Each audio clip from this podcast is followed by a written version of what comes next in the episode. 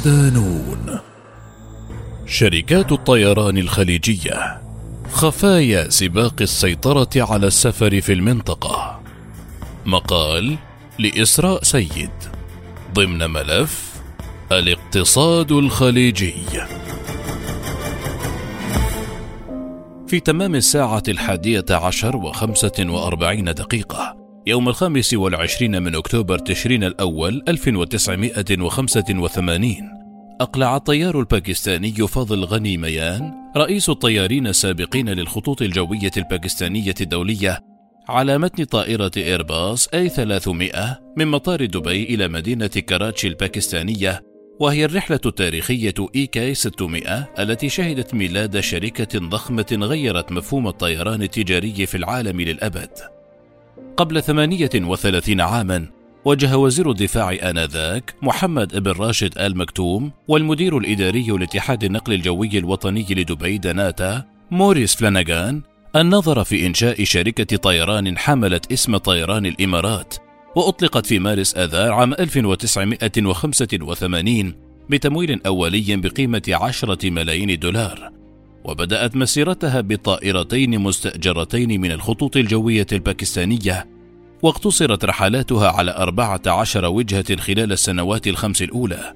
اليوم أصبح طيران الإمارات واحدة من أكبر شركات الطيران في العالم تدير أسطولا مكونا من 269 طائرة وتسير رحلاتها إلى أكثر من 158 وجهة في 85 دولة وهي أكبر مشغل في العالم لطائرات إيرباص أي 380 وبوينغ 777 وثالث أفضل شركة طيران في العالم عام 2022 وفق تصنيف Skytrax لأفضل شركات الطيران في العالم. وتتصدر الشركة قائمة الخمسة الأوائل في هذا التصنيف منذ سنوات طويلة. تكرر هذا النموذج الاستثنائي في قطر التي أطلقت شركة الخطوط الجوية القطرية بعد ثمانية سنوات فقط من إطلاق طيران الإمارات وبدأت مسيرتها بطائرتين فقط وخمسة وسبعين موظفا واليوم تمتلك اسطولا متنوعا من حيث الحجم من 236 طائرة. أصغرها طائرة تابعة لشركة إيرباص أي 320 وأكبرها الطائرة أي 380 العملاقة. وتسير رحلاتها إلى أكثر من 150 وجهة حول العالم من خلال مركزها الرئيسي في الدوحة مطار حمد الدولي الذي يحمل حاليا لقب مطار العام وهي أول شركة طيران في العالم عام 2022 وفق تصنيف Skytrax العالمي الذي يعتبر بمثابة جوائز الأوسكار لقطاع السفر. هذا النجاح أغرى إمارة أبو ظبي لإطلاق شركة طيران باسم الاتحاد. حققت نجاحا لا يقل عن نظيراتها وأصبح الثلاثة معروفين باسم الثلاثة الخليجيين الكبار في الشرق الأوسط أو ام اي ثلاثة وتفوقوا على دول وشركات عريقة. من بينهم شركة مصر للطيران التي تأسست عام 1932 وشركة الخطوط السعودية التي تأسست عام 1945 وشركة طيران الخليج البحرينية التي تأسست عام 1950 منذ أوائل الألفينيات وعلى مدار أكثر من عشرين عاما أصبحت شركات الطيران الخليجية الثلاث المحرك الرئيسي لنمو ثورة السفر الجوي وسيطر الثلاثة الكبار على سوق الطيران في المنطقة ووفقا لكل تصنيف تقريبا كانت هذه الشركات الأفضل في هذا المجال والأكثر نجاحا من شركات الطيران الأوروبية الكبيرة. ووصل الأمر إلى حد المنافسة مع الشركات العالمية لاستقطاب المسافرين الدوليين وتقديم أفضل الخدمات والأسعار حتى اعتقد الكثيرون أن الساحة لم يعد فيها مكان لشركات أخرى لكن السعودية كان لها رأي آخر حين قررت رفع عدد شركات الطيران الخليجية الكبرى إلى أربعة.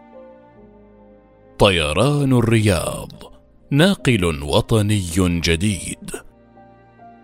منذ صعوده إلى السلطة أنفق ولي العهد السعودي محمد بن سلمان بسخاء ولم يتوقف عن إطلاق المشاريع المليارية في محاولة منه لتحديث المملكة وتلميع صورتها في الخارج وتأسيس دور قيادي وربما مهيمن يتوافق مع رؤيته لحجم المملكة وموقعها سواء في الخليج أو المنطقة الإقليمية والعالم. بما في ذلك خطط لبناء مدينة تبلغ قيمتها 500 مليار دولار في الصحراء. لذلك عندما قرر تحويل المملكة إلى قوة طيران عظمى لم يكن خجولا في طموحاته كما يفعل في صفقات الأسلحة. وبدلا من الاستثمار في شركة الطيران الحالية المملوكة للدولة والتي كانت سابقا الناقل الوطني للبلاد أعلن منذ عامين عن خطط لإنشاء ناقل وطني جديد بالكامل من الصفر. في خطوة وصفت بأنها تدشن لمرحلة جديدة من النمو والتوسع والتنافسية في خدمات النقل الجوي في السعودية. بالفعل، في منتصف مارس آذار الماضي، أعلن بن سلمان الحاكم الفعلي للمملكة تأسيس صندوق الاستثمارات العامة الذي ترأسه شركة طيران جديدة مملوكة للدولة تحت مسمى طيران الرياض، كجزء من استراتيجية صندوق الاستثمار الحكومي لإطلاق قدرات القطاعات الواعدة التي يمكن أن تساعد في دفع تنويع مصادر الدخل، لتكون بذلك ثاني شركة طيران في المملكة بعد شركة طيران السعودية والمعروفة سابقا باسم الخطوط الجوية السعودية. تستهدف الشركة المنشأة حديثا بحسب ما هو معلن المساهمة في تطوير قطاع النقل الجوي وتعزيز الموقع الاستراتيجي للمملكة الذي يربط بين ثلاث من أهم قارات العالم، والعمل على رفع القدرة التنافسية للشركات الوطنية وفق مستهدفات رؤية السعودية 2030 لتنويع الاقتصاد المحلي وعدم الاتكال على النفط، ما يمكن الرياض من أن تصبح بوابة إلى العالم ووجهة عالمية للنقل والتجارة والسياحة. بحسب الرؤية السعودية. تريد طيران الرياض أن تصبح شركة طيران جديدة من الطراز العالمي والتي ستشكل مستقبل الطيران، كما قيل للمرشحين المحتملين للوظائف. ولتحقيق هذه الرؤية، يبدو أن الناقل الجوي الوطني الجديد سيبدأ من القمة وليس من القاع، كما بدأ نظراؤه منذ عقود. ففي اليوم التالي أعلنت الشركة أنها تقدمت بأول طلبية لأصول طائراتها شمل شراء 72 طائرة من شركة بوينغ الأمريكية من طراز 9787 Dreamliner 39 طائرة بشكل مؤكد مع احتمالية شراء 33 طائرة إضافية. وتشمل طائرات عملاقة غالبا ما تستخدم في الرحلات الدولية بعيدة المدى. كما اتفقت شركة طيران الخطوط السعودية على شراء 39 طائرة من الطراز نفسه مع خيار شراء عشر طائرات إضافية بتكلفة إجمالية تصل إلى 37 مليار دولار مقابل 121 طائرة. الصفقة التي شهدت مفاوضات مكثفة خلال الأسابيع الأخيرة ستكون نعمة لشركة صناعة الطائرات الأمريكية وواحدة من بين أكبر خمس صفقات في تاريخها على الإطلاق، وقد فازت بها بعد منافسة شرسة مع غريمتها الأوروبية إيرباص. وبالنسبة إلى المملكة الغنية بالنفط، ستكون الصفقة رهانا كبيرا من قبل الرياض على أنها يمكن أن تدخل سوق طيران إقليمي يعج بالمنافسين، وستوفر نحو 200 ألف فرصة عمل مباشرة وغير مباشرة، وستساهم بنمو الناتج المحلي الإجمالي غير النفطي للمملكة بقيمة 75 مليار ريال. ومنذ أيام قليلة شهدت معامل شركة بوينغ بولاية ساوث كارولينا مراسم الحفل الذي أطلق رسميا شراكة بين السعودية والصناعة الأمريكية الممتدة لثمانية عقود لشراء الطائرات التجارية التي سيصل آخر فوج منها بحلول عام 2025 وهذا يجعل طيران الرياض واحدة من أسرع الشركات الناشئة. وتسعى الشركة التي تتخذ من العاصمة الرياض مركزا تجاريا رئيسيا لإدارة عملياتها التشغيلية ومنطلقا لرحلاتها عبر انطلاق أسطول طائرات متطورة يربط بين أوروبا وآسيا وأفريقيا إلى تبني أفضل ممارسات الاستدامة والسلامة المعتمدة عالميا في مجال الطيران إلى جانب توفير أحدث التقنيات الرقمية للريادة في هذا المجال. وكشركة مملوكة بالكامل لصندوق الاستثمارات العامة، ستسهم قدرات الصندوق المالية في تمكين الشركة من التوسع في عملياتها التشغيلية بما يدعم خططها المستقبلية لتكون شركة وطنية رائدة وعالمية في تجربة الطيران. ولإثراء تجربة المسافرين تهدف شركة طيران الرياض إلى إطلاق رحلات تصل إلى أكثر من 100 وجهة حول العالم بحلول عام 2030 وتخطط لتقديم مستويات استثنائية من الخدمات المتكاملة وفقا لوسائل الإعلام السعودية المملوكة للدولة. حمى سباق السفر في الخليج استفادت شركات الطيران في الشرق الأوسط من موقعها كبوابة بين أوروبا وآسيا وأفريقيا وبحكم الجغرافيا تعد رحلات الترانزيت في الخليج أمرا شائعا للرحلات الجوية بين أوروبا وآسيا خاصة أن الحرب في أوكرانيا جعلت العديد من مسارات الطيران أطول مع تجنب شركات الطيران المجال الجوي الروسي. بينما كانت أوروبا قبل حوالي عقد من الزمان الخيار الوحيد للمسافرين الذين يعبرون العالم. استغلت دول الخليج هذه الميزة. إذ تلجأ إلى السياحة والبنية التحتية والترفيه في محاولة لتنويع اقتصادها وتقليل اعتمادها على عائدات النفط. على سبيل المثال خففت دبي قوانين المشروبات الكحولية في يناير كانون الثاني في محاولة على ما يبدو لإرضاء السياح والمغتربين. حيث استغلت موقعها في منتصف الطريق بين أوروبا وآسيا وفي منتصف الطريق بين آسيا وأفريقيا ويوجد مطار قادر على التعامل مع 120 مليون مسافر سنويا لجذب المسافرين لزيارة دبي وشراء العقارات وإنشاء الشركات هناك. ولا عجب في أن دبي يطلق عليها لقب مطار كبير وخطوط طيران مع مدينة ملحقة به. بالنسبة إلى قطر، كان ينظر إلى استضافة كأس العالم العام الماضي على نطاق واسع على أنه اختبار عالي المخاطر لإثبات نفسها كلاعب عالمي رئيسي ووجهة للأعمال والسياحة وهو ما حدث بالفعل من خلال امتلاكها اسطولا مدنيا ضخما ممثلا في شركة طيران عالمية بأعلى المواصفات كجزء من قوتها الناعمة وتعريف العالم بها. فالجميع يعرف الآن اسم البلد ومكانه ويمكن أن نرى ذلك في تطور الشركة المذهل على مدار ثلاثين عاما.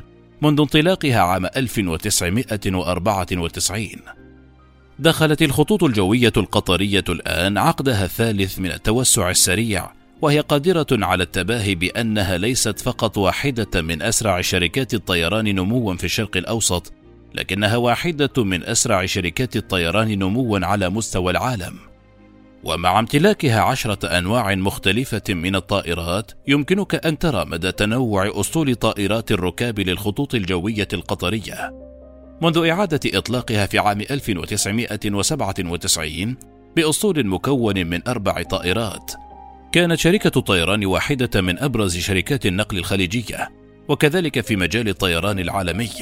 وباعتبارها الناقل الوطني لدولة قطر فقد وسعت الشركة من انتشارها العالمي إلى أكثر من 125 وجهة في جميع القارات وتوسع أسطولها بشكل متناسب حيث وصل إلى أكثر من 120 طائرة في أوائل عام 2013 ويكمن الاتجاه التصاعدي في قدرة الخطوط الجوية القطرية على الوصول إلى شبكة عالمية أوسع بعد انضمامها إلى تحالف عالم واحد One World وهو ثالث أكبر تحالف طيران في العالم بعد تحالف ستار وتحالف SkyTeam. وقد وفر لها مسارات جديدة بين الشرق والغرب وغير الطريقة التي يتدفق فيها المسافرون حول العالم ووسع الأنظمة التي تحكم حريات الطيران خاصة حرية الطيران السادسة المتعلقة بعملية النقل بين دولتين مختلفتين عن طريق الدولة الأم لشركة الطيران وأدى هذا إلى الوصول إلى معدلات نمو هائلة في العشر سنوات الأولى. ويمكن معرفة موقع الشركة حاليا بين شركات العالم من خلال تتبع تصنيف النقل الجوي Skytrax الذي تسيطر عليه الخطوط الجوية القطرية منذ عام 2011 عندما فازت بلقب شركة الطيران العام لأول مرة. ومنذ ذلك الحين تواصل الشركة تصدرها بعد أن فازت بالجائزة الرئيسية للمرة السابعة حتى عام 2022 بالإضافة إلى ثلاثة جوائز إضافية. أفضل درجة رجال أعمال في العالم وأفضل صالة لتناول الطعام في درجة الأعمال في العالم وأفضل شركة طيران في الشرق الأوسط. تاريخيا تفوقت المملكة في مجال الطيران التجاري على جيرانها. فقد أطلقت تجربتها الأولى في المنطقة عام 1945 أي قبل أربعة عقود من تأسيس طيران الإمارات وقبل ما يقرب من ستين عاما من إزاحة الستار عن الخطوط الجوية القطرية وما يقرب من سبعة عقود قبل تأسيس طيران الاتحاد ومع ذلك أثبتت شركات الطيران الثلاث القدرة على المنافسة في السوق العالمي على عكس الخطوط السعودية. هذه المنافسة امتدت إلى حد المزايدة بين شركات الطيران الخليجية نفسها. ففي معرض دبي للطيران في نوفمبر تشرين الثاني 2013 طلبت طيران الإمارات 150 طائرة من طراز بوينغ X 777 بقيمة 76 مليار دولار. ما ساعد على جعل هذا النموذج أكبر صفقة في تاريخ الطائرات التجارية. وحتى لا تتفوق عليها طيران الإمارات طلبت الخطوط الجوية القطرية 50 طائرة من الطراز نفسه بقيمة 20 مليار دولار وطلب الطيران الاتحاد 25 طائرة. وعلى مدار سنوات متتالية قدم كل منها ابتكارات رفعت مستوى المسافرين فقد كانت طيران الإمارات أول شركة طيران تضع حماما وبارا كبيرا مع طاولة طعام تتسع لأربعة أشخاص على متن طائرة إيرباص إي 380 العملاقة.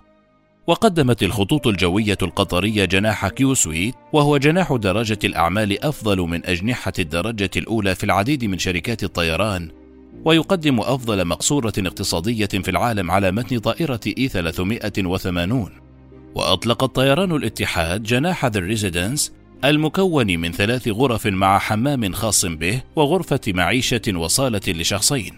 وتبلغ تكلفته عشرين ألف جنيه استرليني في اتجاه واحد بين لندن وأبو ظبي. كانت نتيجة معركة السيطرة على مركز الطيران النهائي في الشرق الأوسط أن تصدرت هذه الشركات التصنيفات العالمية تاركة شركات الطيران السعودية خلفها. على سبيل المثال ضمن المراكز العشرة الأولى التي صنفتها Skytrax يوجد بلد واحد فقط لديه شركة طيران في القائمة الإمارات التي تمتلك شركة طيران الاتحاد مقرها أبو ظبي وطيران الإمارات التي لا تزال الأكبر بين شركات الطيران في العالم حيث نقلت 15 مليون و800 ألف مسافر عام 2020 وفي حين تمتلك قطر 25% في مجموعة AIG المالكة للخطوط البريطانية مقابل 600 مليون دولار ويملك صندوق ثروتها السيادي حصة 20% في مطار هيثرو كثاني أكبر مستثمر. ساعد طيران الاتحاد في بناء سمعته على مستوى العالم من خلال رعاية بطل الدوري الإنجليزي الممتاز مانشستر سيتي الذي يعرف ملعبه الذي يتسع لأكثر من خمسين ألف متفرج باسم الاتحاد. وارتبط صندوق الاستثمارات العامة السعودي بعرض لشراء حصة شركة فيروفيال الإسبانية البالغة 25% في مطار هيثرو العام الماضي. رغم ذلك ليس بالضرورة أن يضمن إنفاق الأموال على شركة طيران النجاح. فقد كان على طيران الاتحاد أن تمر بعملية إعادة هيكلة مؤلمة تحت قيادة توني دوغلاس رغم ثروات أبو ظبي.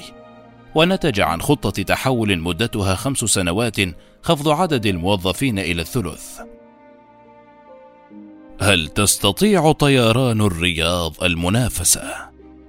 تمثل خطة السعودية الجديدة لمواجهة الخطوط الجوية الإماراتية والقطرية أحدث تطور للمنافسة بين دول الخليج. حيث تدخل الشركة السعودية المنشأة حديثا مجالا مزدحما بالفعل بالمنافسين الإقليميين ومن المقرر أن يشعل دخولها المنافسة ويحفز الشركات على الارتقاء بخدماتها المقدمة للمواطنين وتخفيض الأسعار للأشخاص الذين يسعون للعبور عبر الشرق الأوسط حيث تنمو صناعة الطيران بما يتجاوز المتوسط العالمي بما في ذلك شركة طيران السعودية الأخرى المملوكة للدولة. جاء الكشف عن خطة ابن سلمان لطيران الرياض بعد 48 ساعة فقط من اتفاق مع إيران توسطت فيه بكين. ومن دونه ربما ستكون الخطط السعودية للسيطرة على الأجواء فوق الشرق الأوسط أكثر صعوبة. الحديث عن المنافسة لم يخلو من كلام الرئيس التنفيذي لشركة طيران السعودية إبراهيم الكشي، الذي قال في تصريحات لقناة العربية إن الرياض ستكون قبلة جديدة تنافس شركات طيران معروفة، لكنه لم يحدد هذه الشركات، وبدلا من ذلك توقع أن تنمو المملكة في هذا المجال بشكل أسرع من أي منطقة أخرى في العالم. وتنقل صحيفة تلغراف البريطانية عن أحد كبار المسؤولين التنفيذيين الذي عمل مع محمد بن سلمان والنظام السعودي القول إنها منافسة خالصة وهي مدفوعة من ولي العهد وغروره بحسب قوله. إذا افترضنا وجود منافسة بالفعل، فإن إطلاق طيران الرياض يعد أحدث جولة في حلبة المنافسات الخليجية. وربما يأتي الأمر تزامنا مع الخلاف غير المعلن بين الرياض وأبو ظبي التي تحاول سحب البساط من تحت أقدام جارتها الخليجية. فمنذ عام 2017 تعهد بن سلمان بفتح اقتصاد المملكة أمام الاستثمارات الأجنبية وقاد حملة لجذب الشركات متعددة الجنسيات من دبي إلى الرياض. وضعت هذه الخطوة اللبنة الأولى للمنافسة مع الجار الخليجي ومهدت لاستراتيجية ترسيخ المملكة كمركز أعمال إقليمي محوره مشروع يوم، وما يتفرع عنه من استثمارات هائلة في معظم القطاعات المنتجة. صحيح أن الرياض قوة اقتصادية عالمية بالنظر إلى ثرواتها النفطية، لكن يبدو أن بن سلمان وأمام الصعود الاقتصادي الاستثنائي لجارتيه الإمارات وقطر واستنادا إلى طموحاته لم يعد يكتفي بتصدير النفط ومشاهدة فرص الاستثمار في أيدي الآخرين بل يحاول المسؤولون الأمريكيون والسعوديون إصلاح العلاقات الدبلوماسية بعد أن تراجعت إلى أدنى مستوياتها بسبب السياسات النفطية. ومنذ موقف الرياض في أوبك Plus تقرن المملكة ثقلها الاقتصادي بطموح سياسي جديد يستند إلى تحالفات جديدة وتغيير لافت في مقاربة ملفات المنطقة. فقد جاء الكشف عن خطط بن سلمان لطيران الرياض بعد 48 ساعة فقط من اتفاق مع إيران توسطت فيه بكين. ومن دونه ربما ستكون الخطط السعودية للسيطرة على الأجواء فوق الشرق الأوسط أكثر صعوبة. لكن بالنسبة إلى السعودية يتجاوز إنشاء الشركات الجديدة حدود المنافسة في سماء المنطقة فهي عنصر أساسي في رؤية 2030 الخطة التي وضعها الحاكم السعودي محمد بن سلمان وقد خصص تريليون دولار على مدى العقد المقبل لجعل المملكة وجهة سياحية عالمية تجذب عشرات الملايين من الزوار سنويا بعد سنوات عديدة من العزلة التي فرضها على نفسه. وتخطط المملكة لأن تسهم السياحة بنسبة عشرة بالمئة من الناتج المحلي الإجمالي وتستهدف تدفق 25 مليون سائح أجنبي خلال عام 2023 وتوفر ما لا يقل عن مليون وظيفة جديدة في قطاع السياحة بحلول عام 2030 ويعزو المسؤولون ذلك إلى أن المملكة لديها عرض ذو قيمة كبيرة في موضوع السفر والسياحة في العالم العربي. ويشمل هذا السياحة الدينية ممثلة في الحج والعمرة وزيارة الأماكن المقدسة والسياحة الطبيعية في المنتجعات الصحراوية والمشاريع السياحية الكبيرة التي تخطط المملكة لبنائها على شاطئ البحر الأحمر والسياحة الأثرية في الأماكن التاريخية مثل محافظة العلا. البحث عن موطئ قدم بين الكبار. يقف السعوديون بعيدا عن هذه الأهداف الطموحة، حيث تشير البيانات الرسمية حتى عام 2022 إلا أن إجمالي عدد السياح الأجانب والمحليين في المملكة بلغ 93 مليون وخمسمائة ألف بينهم 77 سائحا محليا و16 مليون وخمسمائة ألف سائح أجنبي. وقدر مجلس السياحة والسفر الدولي إسهام قطاع السياحة والسفر في الناتج المحلي للمملكة بثلاثة فاصلة اثنين بالمئة أي ثلث الهدف الإجمالي المستهدف بحلول عام 2030 يعني هذا أن المملكة أمامها طريق طويل لتحقيق أهدافها لكن المؤكد أنها تشهد منذ عام 2019 انتعاشا بفضل خطط التحفيز السياحي التي بدأتها وقتها وشملت إتاحة التأشيرة السياحية الإلكترونية لمواطني أكثر من 42 دولة تمثل تقريبا 80% من الإنفاق السياحي حول العالم وهي موطن ل 75% من المسافرين في الرحلات الفاخرة. اكتملت هذه التسهيلات مع إصدار عدد آخر من التأشيرات المرنة التي تسهل زيارة المملكة لكل الراغبين، سواء لأداء العمرة وزيارة الأماكن المقدسة في مدينتي مكة والمدينة أو لحضور الفعاليات السياحية الترفيهية.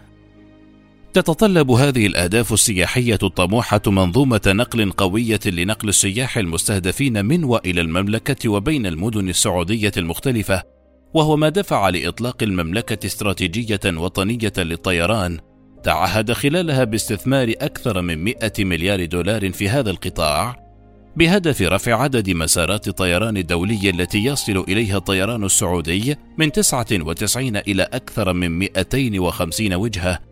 وزيادة عدد المسافرين إلى المملكة أو عبرها إلى 330 مليون مسافر بحلول عام 2030 وتستهدف أيضا 30 مليون من ركاب رحلات ترانزيت. ووفقا لتصريحات وزير النقل والخدمات اللوجستية صالح بن ناصر الجاسر في حفل أقيم بالسعودية في يونيو حزيران 2021 تشمل الاستراتيجية الجديدة العديد من المشاريع الضخمة حيث تم تخصيص أكثر من 500 مليار ريال للاستثمار بهدف تحويل المملكة إلى مركز لوجستي عالمي للشحن الجوي حيث تتعامل مع أربعة ملايين وخمسمائة ألف طن من الشحنات الجوية سنويا ارتفاعا من 900 ألف في عام 2019 تبدو هذه الأرقام ضخمة بالنظر إلى أن عدد الوجهات الحالية للطيران السعودي أقل من 100 وجهة في حين أن إجمالي حركة الركاب السنوية وصل 109 ملايين عام 2019 وتطمح في الزيادة هذه الأعداد أكثر من ثلاثة أضعاف. وتؤكد السعودية أن شركة الطيران الجديدة ستحمل ما يقرب من 100 مليون سائح سنويا إلى أراضيها وتضيف إلى الناتج المحلي الإجمالي غير النفطي 20 مليار دولار. وتوفر حوالي 100 ألف وظيفة مباشرة وغير مباشرة وتساهم بنمو الناتج المحلي الإجمالي غير النفطي للمملكة بقيمة 75 مليار ريال.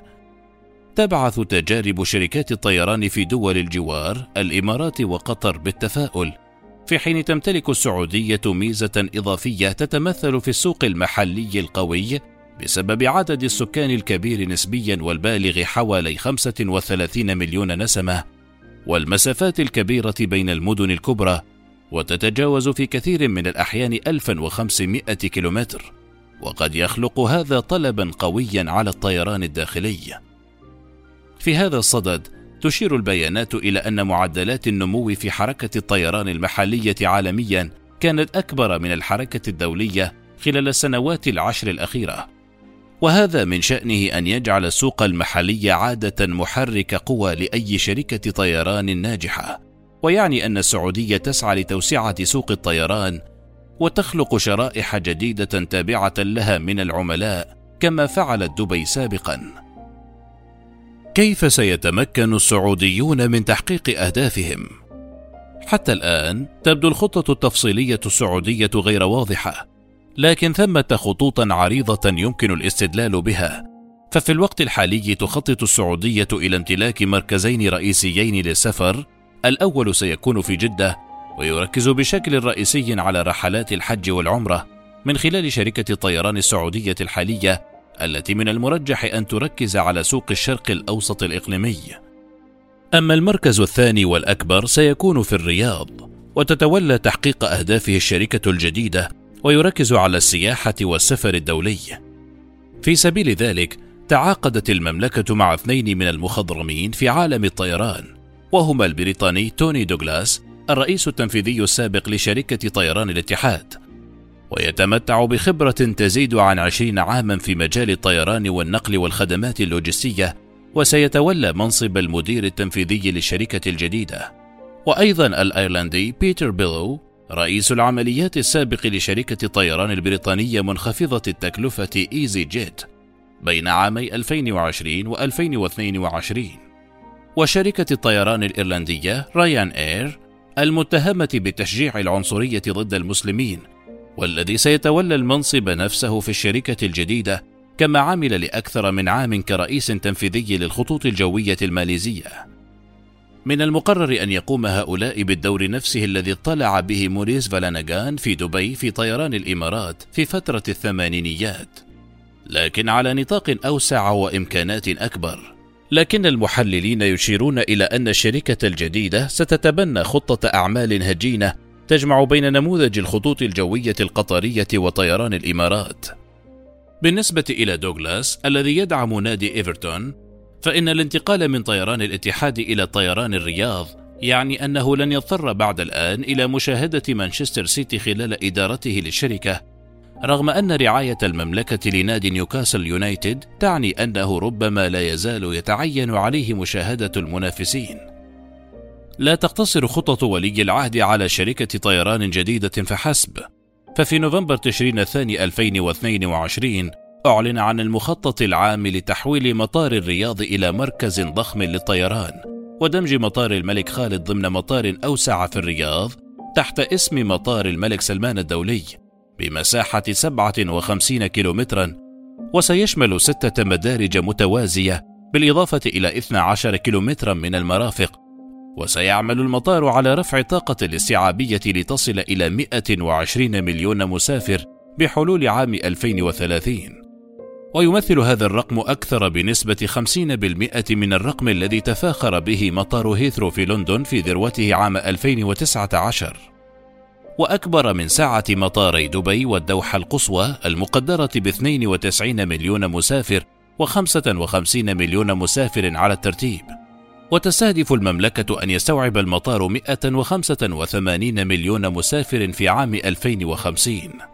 يبدو الاستنتاج واضحا فبعيدا عن كونه مكملا سيوفر مطار ولي العهد الجديد منافسة للمراكز الإقليمية القائمة ويتوقع أن يلعب مطار الملك خالد الدولي دورا محوريا في الخطة السعودية مشابها للدور الذي لعبه مطار دبي والدوحة بالنسبة إلى طيران الإمارات والخطوط الجوية القطرية.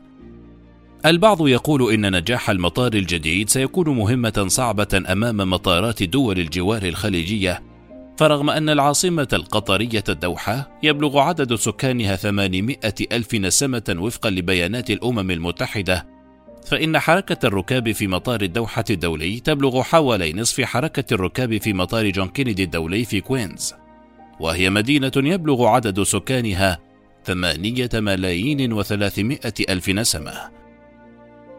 المنافسة لا تختلف كثيرا بالنسبة إلى الإمارات حيث مطار دبي الدولي الأكبر وهو من أفضل عشر مطارات من حيث حركة المسافرين ما يجعله يقارب حجم مطار هونغ كونغ الدولي ومقره في مدينة أكبر بثلاث مرات من دبي، لكن في حين أن الإمارات وقطر مكانان صغيران على الخريطة، فقد تمكنتا من أن تصبح رائدتين عالميتين في مجال الطيران.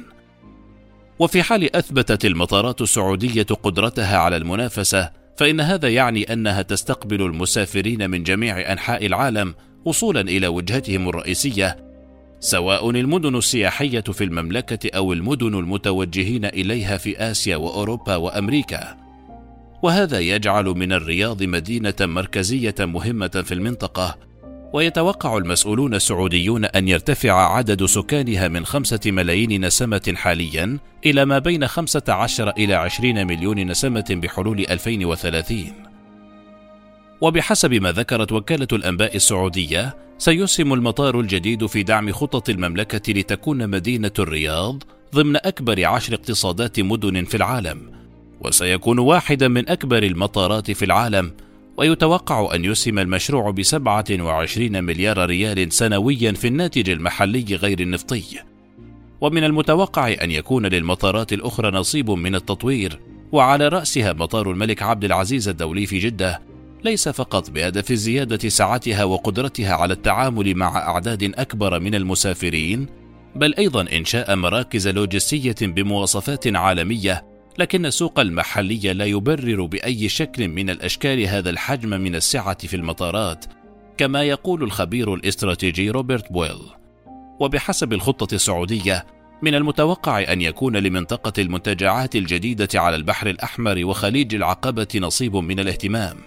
خاصة بعد الافتتاح المقرر بنهاية العام الجاري لمطار البحر الأحمر الدولي بساعة مليون مسافر سنويا بحلول عام 2030 وإطلاق شركة طيران خاصة لخدمة مدينة نيوم بشكل خاص والمشاريع السياحية على البحر الأحمر بشكل عام.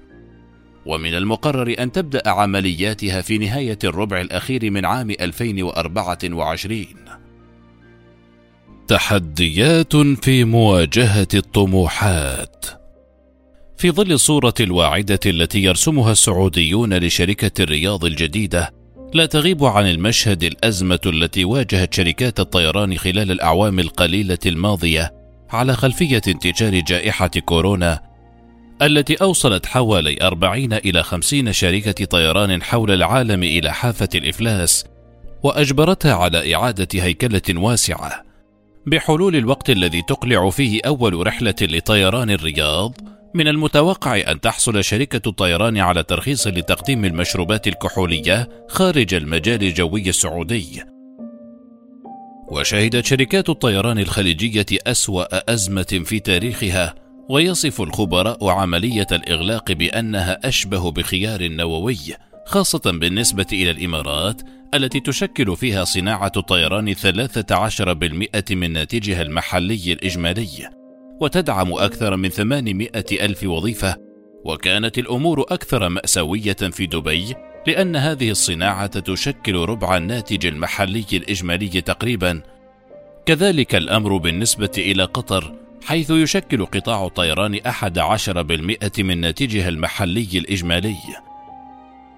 هذه المعاناة وضعت شركات الطيران الخليجية أمام خيارات مؤلمة شملت تقليص أساطيلها الجوية وتسريح الآلاف من موظفيها لتقليل الخسائر. وتحملت شركة طيران الاتحاد القدر الأكبر من هذه المعاناة.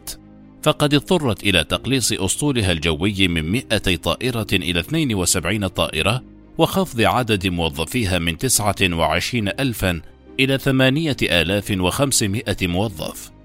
الواقع الحالي لقطاع الطيران الذي ما زال يكافح لمواجهة آثار الجائحة.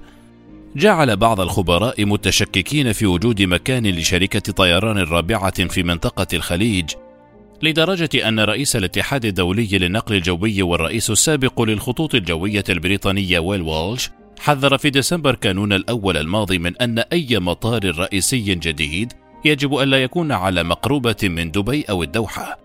ويرى أنه في ظل الوضع الحالي للصناعة سيفرض على المطار الجديد أن يكون منافسا بصورة أو بأخرى. لكن السعودية تواجه عقبات تتجاوز المنافسة الإقليمية في السعي وراء تلك التطلعات وقد تعرض سجلها الحقوقي لا سيما فيما يتعلق بحقوق المرأة لانتقادات واسعة النطاق. رغم أن الإصلاحات الاجتماعية هي أيضا مفتاح لخطة رؤية 2030 وألقت الولايات المتحدة باللوم على ولي العهد السعودي فيما يخص مقتل الصحفي السعودي جمال خاشقجي عام 2018 قد تكون الاختلافات في الأعراف الثقافية تحديا أيضا لطيران الرياض لأنها تسعى إلى التنافس مع كبار اللاعبين في الخليج. ففي حين لا تقدم الخطوط السعودية المشروبات الكحولية المحظورة على رحلاتها تشتهر طيران الإمارات بتقديم مجموعة كبيرة منها على متن رحلاتها لكن بحلول الوقت الذي تقلع فيه أول رحلة لطيران الرياض من المتوقع أن تحصل شركة الطيران على ترخيص لتقديم المشروبات الكحولية خارج المجال الجوي السعودي. قد يدفع سباق السيطرة على سوق الطيران في الخليج المملكة إلى مزيد من تقليص الالتزام بالقيم الإسلامية، وإن كان ذلك يحدث بوتيرة بطيئة، وقد حدثت بالفعل تغييرات بالحقوق الأساسية مثل الاعتراف بدور المرأة في المجتمع بشكل جذري خلال العقد الماضي، ومع ذلك منحت منظمة فريدم هاوس الأمريكية البلد الخليجي ثمانية نقاط فقط من أصل مئة.